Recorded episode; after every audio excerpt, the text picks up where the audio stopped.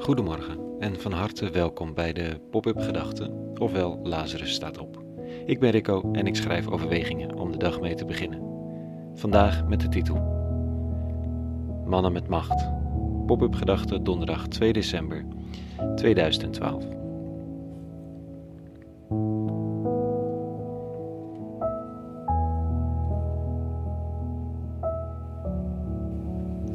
Elke man is een kruising tussen Hitler en een baby, zei een vriendin ooit na een vrij traumatische scheiding.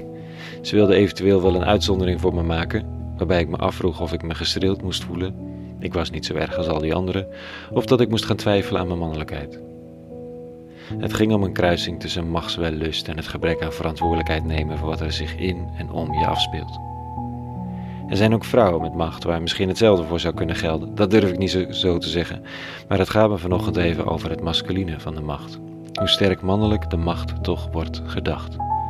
Ik kom erop vanwege de lezing van vanochtend. Daar staat: Beter te schuilen bij de Heer, of bij de eeuwige, dan te schuilen, dan te vertrouwen op mensen. Beter te schuilen bij de Heer dan te vertrouwen op mannen met macht. Maak open de poorten van de gerechtigheid. Daarbinnen wil ik de Heer gaan danken. De eeuwige staat hier dwars tegenover de mannen met macht. Terwijl er heel wat mannen met macht zijn die graag de eeuwige voor een karretje spannen. Weer, ik noem geen namen. De poorten van gerechtigheid zijn het alternatief voor de mannen met macht.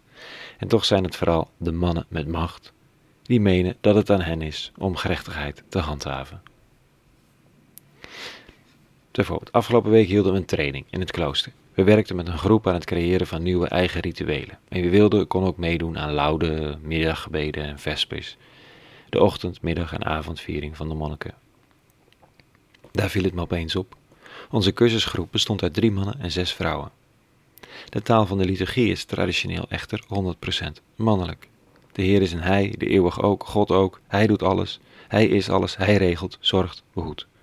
Het is een soort gezin, waar de moeder dan afwezig, overleden of verdwenen is.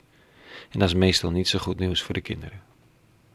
Waar de rechtspraak in Nederland na scheiding het recht van de vrouw voorop stelt, soms in extremo, en daar is de vaderrol in verwaarloosd, uitzonderingen daar gelaten, is het in het goddelijke gezin de vader die de klok slaat.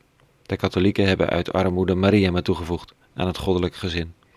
Maar dat voelt toch als een soort aangenomen tante, superlief en warm, maar moeder? Als protestant weet ik daar het fijne niet van en de liturgie van zo'n viering verandert er ook niet door. Het is alles mannelijk wat de klok slaat. Het zou best een aardige oefening zijn om eens in de zoveel tijd het hij te vervangen door zij. De Heer dan maar even door de eeuwige voor de zekerheid.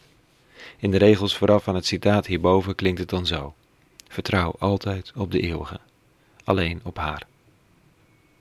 Want de eeuwige is een rots sinds mensenheugenis.